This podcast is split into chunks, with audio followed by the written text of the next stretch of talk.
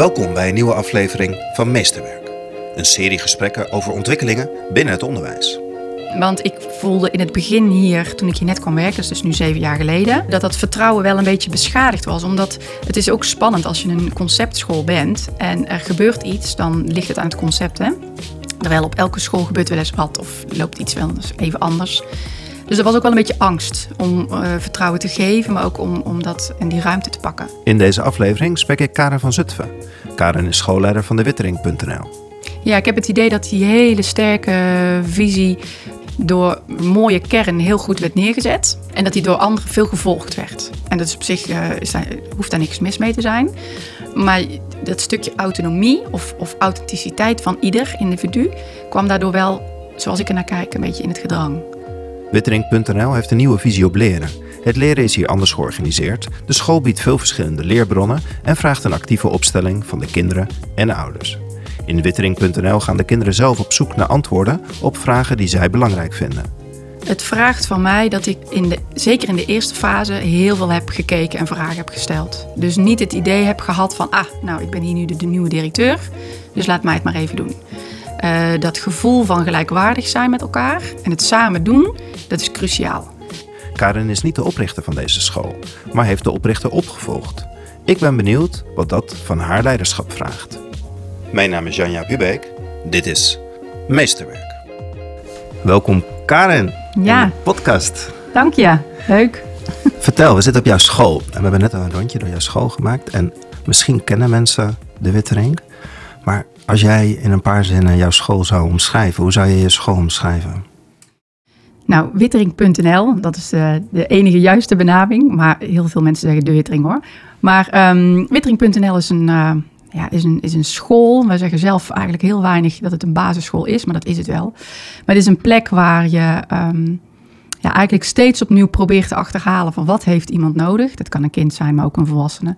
En hoe kunnen we daarbij aansluiten? Dus wat, uh, ja, wat is er met elkaar te doen? Welke opdrachten hebben we om een kind op de volgende stap te krijgen? Of uh, ja, eruit te halen wat erin zit, hè, wordt ook wel ooit gezegd. Dus wittering.nl is een plek die um, echt gekeken heeft in de oorsprong van wat hebben, hoe ontwikkelen kinderen zich en wat gebeurt er in al die fases. En hoe kunnen we daar dan uh, de beste begeleiding bij geven? En soms dus ook niets doen. Hè? Dat is ook een hele goede interventie. Uh, we zijn het onderwijs nogal gewend om te doen en uh, te handelen. Nou ja, en vanuit die gedachte is er iets ontwikkeld in de zin van, nou ja, hoe ontwikkelen kinderen zich en wat zou er dan voor een curriculum bij passen als daar al een curriculum bij past? En hoe ziet er dan een gebouw of een omgeving uit? Welke professionals kunnen daar dan een rol in spelen? Dus de hele opbouw van het concept is echt vanuit die gedachte: um, ja, wat heeft een kind nodig? En hoe uh, ontvouwt hij zich het beste in zijn potentieel? Nou ja, en dan kom je tot hele andere conclusies dan uh, uh, wellicht honderd jaar geleden geconcludeerd is. En dat zie je terug in een, ja, een open omgeving, veel dynamiek, um, relatie, autonomie, competentie. Nou ja, drie belangrijke basisbehoeften. Ja, en zo zijn er heel veel elementen te noemen die bijdragen aan die omgeving om die zo optimaal mogelijk te organiseren voor kinderen. Ja, dus jullie zijn echt vertrokken vanuit de visie. En, en zo hebben jullie ook het hele gebouw ingericht. Ik kan eens even in de geschiedenis meenemen. We zitten in Rosmalen. Ik heb het idee dat er een nieuwbouwwijk kwam en dus ook een nieuwe school. Klopt. In principe was het zo dat er een, ja, een, een brinnummer over was, zeg maar. Dus het bestuur kreeg nog uh, de ruimte om een school te bouwen. En wisten wel ook dat het zou gaan zijn in deze wijk. Um, nou, en toen hebben zij, we hadden toen ook, uh, nu nog steeds hoor, maar in die tijd uh, Piet Derks en die gaf echt aan van, nou ja, dat, moet innovatief. En uh, die had er allerlei wilde plannen bij. En dat is ook heel fijn geweest, want je moet een beetje lef hebben en nou een beetje veel. Dus er is echt twee jaar samen gewerkt en, en gemijmerd en bedacht. Ja, van wat wordt het dan en hoe ziet dat er dan uit? Toen is het nog een tijdje echt in een, een of ander wijkgebouwtje geweest. Met 17 kinderen geloof ik begonnen. Nou, we hebben net een oud leerling hier ook gezien. En zij is een van de eerste, eerste families die heeft deelgenomen. En ja, we hebben nog steeds heel veel contact ook met, met de ouders en deze kinderen. Dus dat is ook heel leuk. toen is het een tijdje in een noodgebouw gezeten. En nu ongeveer tien jaar in dit gebouw. Want als je door het gebouw heen loopt, dan voel je die visie van die school ook gewoon helemaal in de inrichting. Ja. We zitten in een podcast, dus we kunnen niet laten zien wat het is. Maar als jij je- gebouw of de, de onderwijsruimte waar de kinderen zich doorheen bewegen omschrijven, hoe zou je dat doen? Nou, wat dan heel belangrijk is, is dat we eh waardegestuurd zijn. Dus dat die waarden ook steeds ehm, ons sturen om de goede keuzes te maken. En dan heb ik het echt over, nou ja, de details van welke kleur stoel neem je. Tot eh, waar hangt wel een poster of waar niet. We laten niets aan het toeval over daarin. Het is een open gebouw, maar waar wel ook heel veel eh, ruimtes of hoekjes zijn. Zodat kinderen daar wel ook heel goed, eh, ja, ongestoord of geborgen kunnen werken. Geborgenheid is ook een van onze waarden. Nou, verwondering is er ook een. En nieuwsgierigheid, die horen natuurlijk heel erg bij elkaar. Dus er moet echt iets te doen zijn. Je moet binnenkomen en denken, oh, leuk of interessant. Ik ben nieuwsgierig, ik wil weten. Het moet super schoon zijn, opgeruimd, Het is, geordend. het is ook allemaal verbonden met elkaar. We liepen er net doorheen. Hè. We komen langs alle kinderen, langs alle leeftijdsgroepen op een hele natuurlijke manier, doordat we er gewoon doorheen ja. lopen. Ja. ja, dat organische, dat vind je ook terug in, in de keuzes die we maken. Dus eh, zo min mogelijk roosteren. ehm, niet om half negen een soort van zoomer. ehm, geen vaste buitenspeelmomenten, maar veel meer van... joh, ik zie dat het nu goed is als je even lekker naar buiten gaat. Of een kind geeft dat vooral zelf ook aan. Dus eh, organisch wat je dan, dan hebt kunnen oppikken... is ook wel een heel belangrijk element. En dat, zo moet het ook voelen. Kinderen mogen overal bij. En bepaalde plekken weten ze, daar mag je kijken. Bepaalde plekken mag je mee eh, ja, aan de slag. Eh, en onze omgeving is gewoon weer een leerkracht extra. Want hoe beter je die inricht, hoe schoner en opgeruimder en overzichtelijker je die hebt. Ja, hoe meer kinderen daar zelf ook in eh, dingen kunnen pakken of ehm, uitgedaagd worden. En die hele openheid die maakt ook een, een grote verbondenheid. En we liepen er net in en toen waren ze allemaal aan het wisselen. Van een buitenstaander die niet zoveel van onderwijs heeft, zou je ook kunnen zeggen: het is één grote mierenhoop of het is één grote chaos. Hoe kan je hier je in godsnaam concentreren en hoe kan je je door die chaos eigenlijk het overzicht hebben over al die kinderen? Hoe is het om fysiek hier elke dag in zo'n open ruimte, want eh, even voor de luisteraar, alles is open. Er staan wel kasten tussen en er zijn verschillende hoekjes, zoals je net zegt. Maar het restaurant hangt er dan weer middenin en kinderen gaan en komen daar weer uit wanneer zij wel of niet daar willen gaan zitten in rust. Dat zie je ook gebeuren. Je ziet ook overal kinderen hun eigen rust nemen. Maar als je gewoon even inzoomt, dan kan, kan je ook denken van wow, Ja, nogal heftig. Hoe, hoe is dat om hier elke dag te werken? Nou, die reactie krijgen we natuurlijk zeker ook van mensen die, er, eh, die erin komen. Dus als je erin zit, is dat al heel anders dan wanneer je er eh, binnenstapt. We zeggen ook wel eens, het is een soort van jungle waar je in eerste instantie de bananen zult herkennen. Dat is ook zo'n fenomeen van, ah ja, een tafeltje, ja, check, dat herken ik. Eh, hier zie ik een school in terug. Maar als je er langer zit, dan ga je veel meer die structuren ook zien. En dat zien wij, we hebben nu even niet, maar normaal elke vrijdag ook eh, een busbezoekers die komen kijken van hoe dan en wat dan. En eh, die willen foto's maken. En, en die starten ook vaak dat ze zeggen, van, goh, ik heb wel veel geluid. Of ik, merk wel dat ik, nou, het is wel, er is wel veel dynamiek. En dan zijn ze zo een half uurtje in het gebouw en dan zijn we ze zo rond aan het leiden. En dan zeggen ze vaak, oh, hier lijkt het wel wat rustiger. Terwijl eh, wij dan voelen dat het helemaal niet rustiger is of, of drukker is. Maar dat je dus ook echt met elkaar daar veel meer aan wendt. Dus je, je wendt aan die... Toen ik hier net ging werken, toen had ik nog de deur van het kantoor dicht. Ik dacht, ja, ik hoor zoveel, ik doe de deur dicht. En nu kan ik gewoon met de laptop in het restaurant gaan zitten en ehm, ja, maar gewoon mijn werk doen. Je gaat die structuren steeds meer herkennen. Maar je zult er wel langer in moeten. Het is niet meteen, oh, zo zit het. Het is echt wel een, eh, ja, een, een complex, dynamisch geheel. En ik denk ook dat het dat moet zijn, want het, het is ook ja, ingewikkeld. Hè? Leren is, het kan simpel zijn, maar het is ook ingewikkeld om steeds opnieuw af te stemmen en te kijken van wat is overal nodig. En je merkt wel dat het team, eh, je moet het eigenlijk een beetje met een restaurant vergelijken ook. Dus het team is heel erg gewend om ehm, ja, met elkaar te werken in een modus van eh, zie het servetje vallen voordat het valt. Scherp zijn, alert, ja, kijken wat er gebeurt, met elkaar ook heel veel contact hebben. Dus dat dichtdoen van een deur en dan de rust er, ja, ervaren in zo'n klas, dat, ja, dat, dat is hier niet aan de orde. Maar daar staan heel veel andere dingen tegenover, waardoor je dat ook niet, ehm, niet mist. En kinderen zelf ook niet. Nou ben jij directeur van deze school. Ja. Wat vraagt dat van jou om leiding te geven aan zo'n sterk onderwijsconcept, wat, wat zo eh, sensitief ook eigenlijk is? Hè? Wat je zo zegt, hè? Van dat je, je kijkt al voordat het servet gevallen is en daar acteer je eigenlijk al op. Ja. Wat vraagt dat van jou? Het vraagt van mij dat ik in de, zeker in de eerste fase heel veel heb gekeken en vragen heb gesteld. Dus niet het idee heb gehad van, ah, nou, ik ben hier nu de, de nieuwe directeur, dus laat mij het maar even doen. Eh, dat gevoel van gelijkwaardig zijn met elkaar en het samen doen, dat is cruciaal. Dus ik heb ook meteen vanaf het begin gevoeld uh, dat het goed was dat ik zo al niet in elkaar steek. Van, uh, nou, ik weet het, dus laat mij het maar regelen. Ik was daar ook wel een beetje onzeker over in het begin. Van, oh, dit is toch wel een school die het goed voor elkaar heeft. En uh, kan ik dat dan wel? Um, ben ik niet te jong daarvoor? Heb ik genoeg ervaring? Weet ik onderwijskundig wel voldoende van het concept af? Maar je voelt al zo snel dat je het niet alleen hoeft te doen. Uh, dus dat wat ik kan inbrengen in dit team is aanvullend op wat anderen doen. Um, dus het vraagt vooral van mij dat ik goed kan verbinden en dat ik heel nieuwsgierig ben. Uh, ook een beetje um, lef durf te hebben. Goed kan verwoorden wat er gebeurt. Maar vooral, ja, vooral verbinding kan leggen. Is het echt horizontaal leiderschap wat je dagelijks inricht? Mm, dat vind ik wel ingewikkeld. Want ik of denk, hoe zou je zelf je leiderschap ja, omschrijven?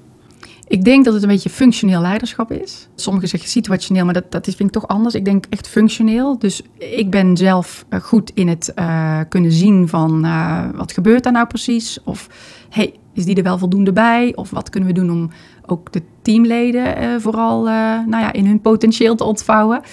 Um, maar ook gevoelig voor kleine dingetjes die misschien onder water spelen. En een ander binnen onze regieteam is weer heel goed voor het inrichten van het curriculum. En een ander is weer heel goed in het uh, arrangeren van uh, nou, een stukje basisvoorziening of, of, dat wat er nog meer nodig is. Dus ja, ik denk dat het vooral lukt om heel aanvullend met elkaar te zijn. En, en als het dan gaat over een onderwerp wat niet per se in mijn talent uh, past direct, dan is het ook oké dat een ander daar functioneel leiderschap in neemt. Ik ben eindverantwoordelijke, dat voel ik wel. Um, maar ook verantwoordelijk om de beslissingen bij degene te leggen die er het meeste verstand van heeft.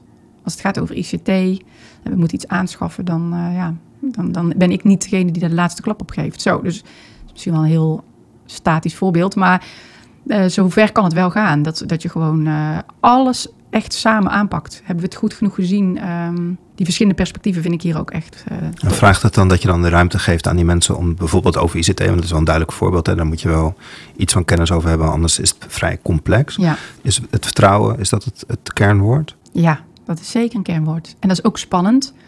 Um, want ik voelde in het begin hier, toen ik hier net kwam werken, dus nu zeven jaar geleden, uh, dat dat vertrouwen wel een beetje beschadigd was. Omdat het is ook spannend als je een conceptschool bent en er gebeurt iets, dan ligt het aan het concept. Hè? Terwijl op elke school gebeurt wel eens wat of loopt iets wel even anders. Dus er was ook wel een beetje angst om uh, vertrouwen te geven, maar ook om, om dat pakken en, en die ruimte te pakken. Dus in het begin heb ik misschien ook wel juist soms heel erg mensen vertrouwen gegeven, terwijl de competentie nog niet altijd uh, volwaardig was. Of, maar voor mij was het dan nog belangrijker dat iedereen voelde dat ik vertrouwen had in hen, dan dat ze ook qua competentie het waar konden maken. Hè? Dus dan zeg je gewoon van nee, je kunt dat en het, komt goed of ik, ik, nou, ik vertrouw erop. Moeten jullie dat niet controleren of moeten we dat niet nog dit? Nou, nee, ik denk dat uh, je hebt er verstand van, je kent de visie, je weet onze bedoeling, de waarden zijn voor jou bekend. Nou, gaan, op thee. Ja, dat. Hoe was dat? Je refereert er zelf aan, je bent hier zeven jaar directeur. Stelde het bij het begin van deze school. Het is een heel duidelijk concept. Daar is een paar jaar over gemijmerd, daar is lang over nagedacht. Via verschillende gebouwen komt daar dan een gebouw. Die gaan starten met 14 leerlingen. De, de, daar zitten waarschijnlijk de, de eerste pioniers in. Ja. En dan een paar jaar later neem je dan zo'n concept over. Hoe, dat lijkt me zo'n ingewikkeld moment. Want zij hebben het allemaal bedacht. En hoe was het voor jou om zo'n concept over te nemen als directeur en daar ook weer een nieuwe toekomst voor te maken? Uh, dat was dus in het begin spannend. Uh, zeker ook omdat ik, ik was daarvoor ook uh, directeur geweest van een basisschool. Maar daar stagneerde mijn ontwikkeling vooral ook op dat stuk. Van ben ik onderwijskundig wel voldoende onderlegd om de school nu uh, weer ja, verder te helpen. Dus daar speelde, toen ik daar startte, echt iets ten aanzien van de cultuur en de verbinding, maar ook ten aanzien van leerlingaantal. En op deze school uh, ja, was dat natuurlijk allemaal al geregeld. Dus ik voelde me ook wel een beetje zo'n um, ja, zo'n suffer die dacht van, oh ja, is dat zo? En uh, hoe zit dat dan? Gespreid bedje? Ja, zo voelde het toch niet echt als een gespreid bedje. Um, ik ben ook niet gekomen voor het concept om daar per se iets te moeten doen. Dat was al heel snel duidelijk. Dus voor mij was snel duidelijk dat juist doordat ik veel vragen stelde en um, het concept niet goed kende, gaf ik ook met dat voorbeeld van dus het stellen van vragen veel meer ruimte ook voor anderen. Het leek zo geregeld en, en iedereen weet alles en het loopt hier helemaal goed. Maar dat, dat, dat, dat was niet zo. Niet Dus- op alle lagen in ieder nee, geval. nee. Dus door juist heel erg te zeggen van, nou, waarom doen we dat eigenlijk dan?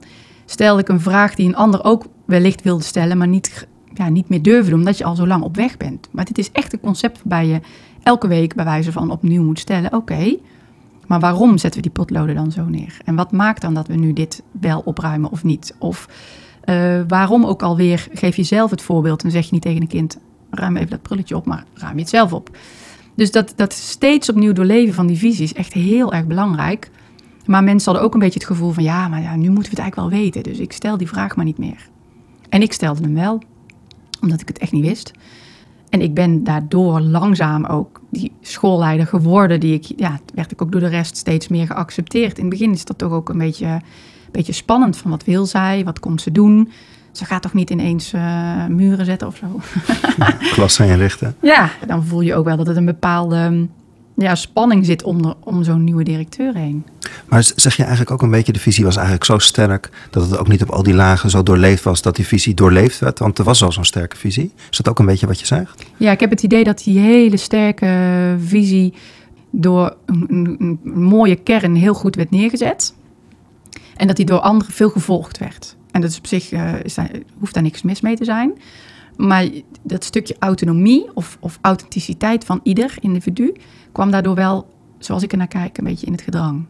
Dus wie ben jij? En durf je dan zelf ook een keer een, een, een keus te maken of een beslissing te nemen? Het was best wel spannend, omdat je het goede wil doen, omdat je aan iedereen wil laten zien, ook aan het bestuur, ook aan de buurscholen, ja, maakt niet uit aan wie, dat dit werkt. En dat het goed is om zo naar kinderen te kijken. Als je nu kijkt en zoveel jaar geleden, voor jou en nu, wat, wat zijn dan eigenlijk de grote verschillen? Waar zijn jullie sterker dan in geworden? Of waar zitten wel accenten? Nou, we zijn in ieder geval sterker geworden met altijd uitgaan van die waarden. Dus die waarden die waren er wel. Eh, we hebben er twee eh herijkt. Maar eigenlijk waren die tien waarden er al. Eh, maar die hebben we veel prominenter naar voren gehaald. Dus bij welk gesprek of bij welke rondleiding dan ook.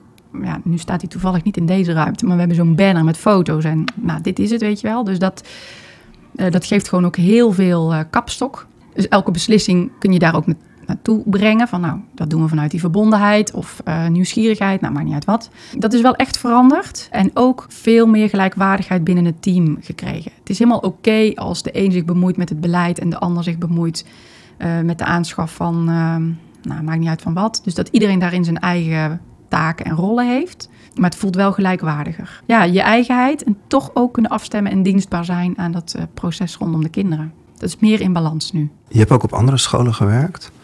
Wat vraagt zo'n sterke conceptschool van, van een leidinggevende?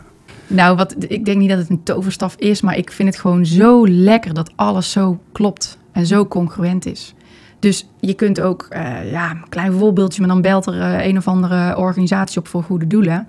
En bij ons komen dat soort initiatieven gewoon vanuit de kinderen. Dus ik hoef echt zo'n heel verhaal niet aan te horen. Dan zeg ik gewoon, ja, weet je, wij, wij hebben het nu over het olifantje in India, want dat willen de kinderen.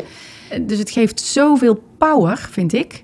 Maar ook nodigt het mij, of daagt het mij uit, om ja, niet in te kakken. Maar gewoon wel bij de les te blijven, ehm, te lezen, eh, mee te doen in discussies. Het is zo'n andere rol eh, als directeur als die ik hiervoor had. Het is veel meer ehm, ja, lol ook.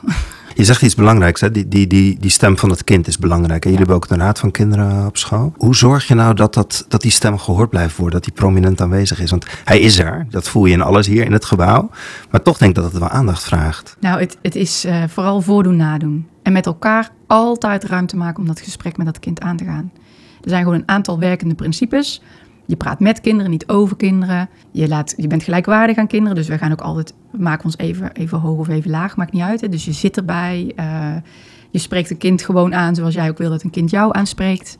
Het zijn allemaal van die ehm, concreet waarneembaar gedrag, zoals we dat dan noemen. Waarin je kunt zien dat we kinderen poep serieus nemen. En dat, dat moet in alles terug te vinden zijn, ook naar ouders toe. Als een ouder iets vraagt, natuurlijk kunnen we ooit met elkaar mopperen van hè, dit. En dan is meteen iemand ook, daar hoef ik niet per se te zijn, die zegt nee, ho, wacht eens even. Dit is een eh, belangrijke informatie die we hier krijgen. Dus in alles, wat willen de kinderen eigenlijk? Ja, dat is eigenlijk de hele tijd de vraag. Hebben we het al zelf gevraagd? Wat vindt het kind zelf? Nou, en dan zie je ook dat ouders daar heel erg in meegaan. Dat zij ook Ook als kinderen zoeken naar een voortgezet onderwijs of zo. Ja, kinderen zijn daar gewoon uh, hele serieuze partners in. Zij presenteren zich ook aan hun ouders als het gaat over hun eigen ontwikkeling. Ja, ze zitten echt aan dat stuur. Wordt ook wel spannend? En meestal als we er dus niet uitkomen met elkaar... of een beetje te veel weer eh, boven zo'n kind aan het praten zijn... dan geeft het meteen een nieuw inzicht als je dat, dus die vraag weer stelt aan het kind. Van wat wil je nu zelf? Of is het wel met het kind doorgesproken? Dat heb je nog wel eens ooit, hè? dat een ouder belt en dat je even met een ouder snel iets afstemt. En als je dan ziet dat dat dus niet werkt, dan is het eigenlijk nooit met het kind terug uh, besproken of opgepakt. En kinderen kunnen echt zoveel, al vanaf dat ze vier zijn. En weet ook heel goed, hè? dat is natuurlijk ook een van de eerste zinnetjes die kinderen zeggen van uh, ik zelf doen. Meestal helpt het ons gewoon weer om terug te gaan naar de essentie. Van, uh, In hoeverre zijn ze ook eigenaar van hun eigen leerproces? Nou, wij hebben wel heel duidelijk uh, met elkaar afgestemd dat wij de professionals zijn als het gaat over leerdoelen en, en ontwikkellijnen. Uh, het lukt uh, ons als deskundigen hier en daar niet altijd om boven die leerstof te staan. Laat staan dat we dat van kinderen verwachten. Um, dus wij kunnen wel met kinderen zeggen van nou, je hebt nu herhaald optellen geleerd. Dus de volgende stap zijn de tafels, ik noem maar iets. Maar kinderen zijn wel daarin heel belangrijk als het gaat over hoe ga je dat dan leren. Dus wij hebben vijf, zes opties. Je gaat nu met deze strategie aan de slag. Heb jij een idee? Maar ook als het gaat over het kernconcept, uh, dat is ons curriculum. Uh, en er moeten inzichten opgedaan worden. Dan kunnen kinderen daarin heel veel autonomie. Uh, ja. Maken jullie gebruik van methodes? wel als bronmateriaal, dus er is zeker wel wat terug te vinden. Het zijn meer modellen die we gebruiken. Ja. Jullie hebben best een ingewikkeld bouwhuis. Ja. Kan je dat proberen uit te leggen? Jullie hebben verschillende functies in, in de school. Kan je dat ja proberen in woorden te vangen? Ik denk ook eigenlijk, want dat is een goede vraag, uh, dat, dat, dat daar de sleutel zit van, uh, van zo'n conceptschool succesvol willen in de praktijk willen brengen, is dat functiehuis. Het is een super gedifferentieerd functiehuis en dat is dus al heel lang geleden bedacht. En ik denk nu wel gewoon uh, steeds beter ook uitgevoerd, omdat we daar zo ook op sturen. Dus in, je hebt verschillende units, unit 1 tot en met 5 sinds dit jaar. Dus ook een stukje voortgezet onderwijs zit er nu bij. En in elke unit heb je in ieder geval een regisseur. Nou, en die regisseur die is dus verantwoordelijk voor ja, een stukje eindverantwoordelijkheid van de unit. Maar die houdt ook het overzicht van de ontwikkeling van de kinderen um, in, in de smiezen. Dan zit er in zo'n team zitten altijd mentoren en begeleiders. Nou, de mentoren zijn bij ons de HBO-opgeleide en de begeleiders de MBO-opgeleide. Even, als ik dan toch zo even iets kan noemen, dan, dan is dat wel de grote lijn. Die zijn ook zo ingeschaald. En dan heb je dus daarbinnen wel allerlei mogelijkheden. Hè? Nu is ook weer nieuwe CAO-inschaling. Dus uh, van onderwijsassistent tot algemeen medewerker tot leerkrachtondersteuner. En dan hebben we ook nog specialisten. En die specialisten die, die, ja, die begeven zich eigenlijk tussen die units door. Zodat elke unit ook een breed aanbod kan krijgen. Dus we hebben een specialist buitenruimte, specialist uh, bewegingsonderwijs en een specialist dansdrama. En het liefst willen we ook nog specialist muziek en uh, specialist koken. En, nou ja, ga zo maar door. Uh, maar in zo'n team zitten dus begeleiders, mentoren en een regisseur. Gezamenlijk zijn zij verantwoordelijk voor het aanbod wat er uh, ja, binnen zo'n unit plaatsvindt. En de regisseur houdt dan eigenlijk het overzicht. Daar hoort bij dat wij zoveel als mogelijk op de vloer aan het werk zijn. Dus dat we echt met elkaar hanteren dat na twee uur is ambulante tijd. maar zoveel mogelijk in het proces, meewerkend. Dus we hebben geen um, losse IB'er in een eigen kantoor of wat dan ook. Maar zoveel mogelijk met z'n allen mee op die vloer. En dat maakt dus ook voor mij als directeur, ik heb geen eigen kantoor. Je bent met iedereen samen. We hebben een soort van huiskamer waar iedereen zit te leren of te werken. En als ik even een flitsbezoek doe, dan uh, zie ik meteen de hele school. Dus dat is ook leuk. En om zo'n succesvol bouwhuis in te richten, dat vraagt alweer iets, denk ik, van jouw leiderschap. Om te kijken naar welke mogelijkheden zijn er en wat voor type mensen horen ja. daar weer in. Hoe kom je aan goede mensen die hierin passen? Of, of leid je die samen op? Of, want dat is best, best een kwetsbaar onderdeel van het geheel. Je moet echt wel met elkaar op die vloer staan, zoals je dat zo mooi zegt, voor het kind. Ja. Nou, we hebben daar uh, natuurlijk ook wel ooit uh, vergissingen in gemaakt. Hè? Dus als je dan met elkaar rond de tafel zit, dan heb je het gevoel van, nou, dit, dit is fantastisch, dit loopt lekker. En dan, dan blijkt al heel snel op de vloer dat het anders ervaren wordt. Nou, je had het straks ook al even over die dynamiek die je in zo'n gebouw hebt. Dan moet je dus wel een beetje tegen kunnen. Hè? Dus je een beetje af kunnen sluiten, maar aan de andere kant ook openstellen om ja, 100 kinderen te zien. Want elke unit heeft ongeveer 100 kinderen. Dus er wordt wel van je verwacht dat je die, uh, nou ja, die flexibele schil in je hoofd ook aan kan zetten. We zijn daarin wel steeds meer werkende principes gaan zien. Dus het goede gesprek met elkaar kinderen doen bij ons ook mee met de sollicitatiegesprekken. Die zien zoveel, dat is echt heel erg leuk. Met elkaar dat gesprek ook van tevoren heel goed, uh, ja, ook hier al doen aan tafel. En dan ook heel eerlijk zijn. Dus we zijn ook niet van, uh, goh, ga maar naar huis en volgende week hoor je het. Maar we zeggen meestal, pak even een kopje koffie. En dan komt zo iemand terug en dan, dan, dan zeggen wij meteen van... goh, ja, het voelde gespannen. Of uh, joh, dit vinden wij nog eng. Of dat juist niet. Of, dus ja, eigenlijk best wel heel eerlijk meteen met elkaar dat een beetje kunnen doorbreken. je voelt soms in zo'n gesprek al van alles. En uh, er zit ook altijd wel een ouder bij. En uh, die kiezen we ook uit om hun uh, talent om dat goed te doen. Ja, die kunnen ook meteen zeggen na twee minuten al van... ik weet niet of je het zelf ook voelt, maar volgens mij ja, wordt het hartstikke fantastisch. Of juist niet. Dan hebben we ook met elkaar de afspraak dat zo iemand dan ook echt een dag mee gaat draaien. In ieder geval ook de visie helemaal ja, eerst een keer kan horen. Want dat, dat ga je natuurlijk nog niet meteen allemaal kunnen toepassen. En het liefst dan ook zoveel mogelijk mee mag draaien op de vloer zonder meteen zelf in die uitvoering te moeten. Vinden overigens best wel veel mensen moeilijk. Dus zitten op een kruk en niks doen. En dan gewoon een week of twee of drie. Dat is best wel pittig. Zeker voor onderwijsmensen, want die willen actie. Maar dan is het echt, wat zie je nu? En welke vragen heb je dan? En waarom denk je dat we dat zo en zo doen? Of wat vind je daar nou van? En hoe voel je daarbij? Ja, dat, dat is, lukt niet altijd, hè, want soms heb je gewoon nood en dan moet iemand gewoon uh, ja, toch voor de leeuwen. Echt eerst een relatie opbouwen is heel belangrijk. Maar dat geldt natuurlijk ook voor mij uh, met het team. Als ik ze goed ken en goed weet wat, wat ze in hun mars hebben, dan kan ik ook uh, ja, ze uitdagen tot de volgende stap. Of, en dan ook heel eerlijk zijn. Want ik, ik zie dit gebeuren. Dus wij gaan, dat is ook een beetje dat restaurantgevoel. Um, niet na schooltijd met elkaar hier in een hokje even praten wat we gezien hebben. Maar gewoon op de vloer. Ik zie dit gebeuren, leg uit een mooi voorbeeld. Ik was in unit 2 aan het werk en ik zat in de rollenspellenhoek en ik keek daarnaar en ik dacht, nou, dit loopt, dit loopt gesmeerd. ik, doe mijn werk goed, ik zit hier prima. En toen werd ik op mijn schouder getikt door, uh, door een van mijn collega's en die zei van, goh, mag ik, mag ik een interventie doen bij jou in de ruimte? Ja, dan weet je natuurlijk al dat je niet goed zit.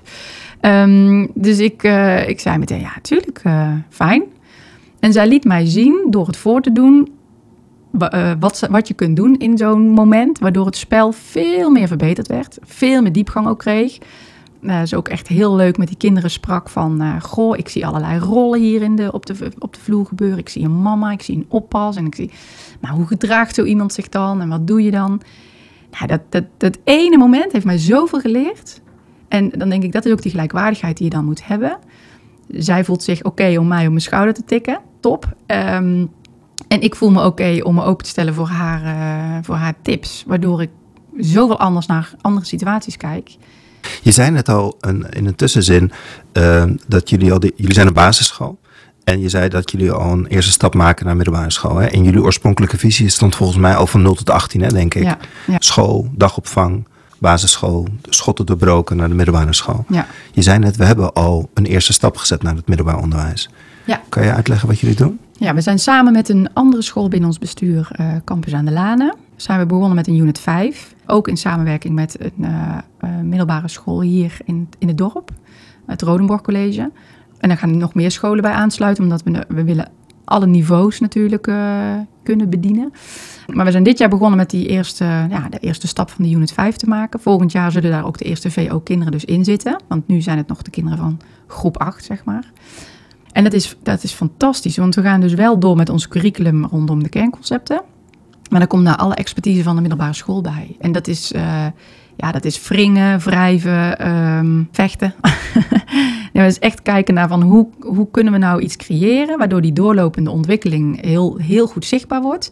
maar kinderen wel op deze manier onderwijs kunnen blijven ontvangen. Want dat is er nu uh, niet in de stad op Nee. deze manier. Nee. En jullie gaan volgend jaar starten. Nou, we zijn dus dit jaar eigenlijk wel gestart, want de unit 5 is zeg maar groep 8 en de eerste en tweede van de middelbare school.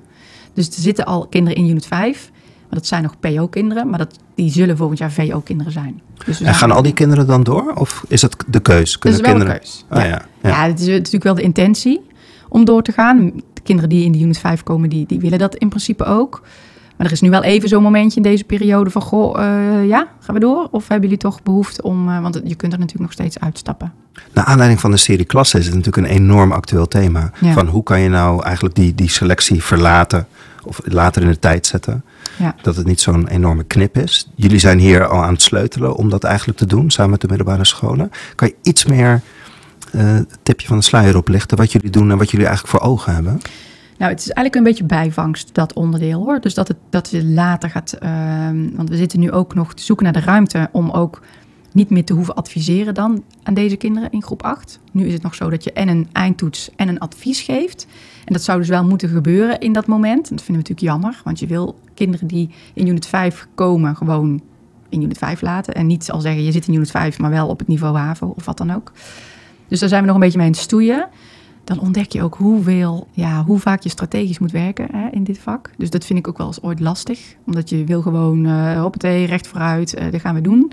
Maar het moet allemaal wel subtiel en uh, goed afgestemd met de stad. En nou ja, met allerlei belanghebbenden. Waar bots je tegenaan dan? Nou, wij wilden ook het liefst meteen tot 18 natuurlijk. Ja, je moet, je moet samenwerken wel natuurlijk met het VO. Dat is alleen maar heel rijk. Dat is ook heel heel tof om te doen. Maar je moet opletten voor concurrentie. Je moet kijken, er zijn meerdere initiatieven in de stad. Uh, beide het elkaar niet. En hoe ziet het er dan fysiek uit? Ik zit hier zometeen uh, in unit 4. En ik kom in de leeftijd om naar unit 5 te gaan. Blijf ik dan in dit gebouw? Ga ik naar een ander gebouw? Of krijg ik dan hetzelfde onderwijsconcept met alle niveaus door elkaar heen? En... Het, het, het mooie vind ik in ieder geval van onze overgangen tussen de units... is dat het vier keer per jaar kan. Dus niet alleen maar in augustus vlieg je over. We noemen dat overvliegen. Maar je kunt dus, um, nou ja, op het moment dat we zeggen het is weer ongeveer... Er is nu net een overvliegmoment geweest. Uh, welke kinderen zitten nog goed in de unit? En voor welke kinderen is het goed om over te vliegen? En dat kan op allerlei basissen zijn. Dus ook wel heel leuk dat dat niet echt een checklist is van nou, dit moet je kunnen om. Maar veel meer ook qua gevoel in overleg met het kind uh, en met de ouders. Um, zo ga je daar ook naar unit 5. Dus je kunt in augustus naar unit 5 gaan, maar ook in november of februari. Nou, net wanneer die momenten zijn. Dat, dat is, vind ik al heel erg leuk. Uh, en nu is het zo dat hij fysiek drie dagen op Campus aan de Laan is. Eén dag bij ons en één dag op het Rodenborg. En de bedoeling is echt dat dat fysiek een basiskamp uh, kan dadelijk gaan zijn op Campus aan de Lanen. Wordt ook een nieuw gebouw. Maar dat, het, ja, dat je daar s ochtends start, maar vervolgens met een goede fiets uh, nou ja, de stad in fietst. Misschien wel een dag op de hei bent of een dag in een museum of aan de biep of ja, we willen wat af van dat gebouwelijke, dat huisvestingsstuk. En vooral kijken van, ja, waar, waar valt er nou te leren? En dat is eigenlijk veel meer dan alleen maar binnen. Dus het zit heel erg op dat inzicht, kennis, vaardigheden en attitude. Dat die vier, alle vier aan bod komen. En dat kinderen daar wel ook veel zeggenschap in hebben.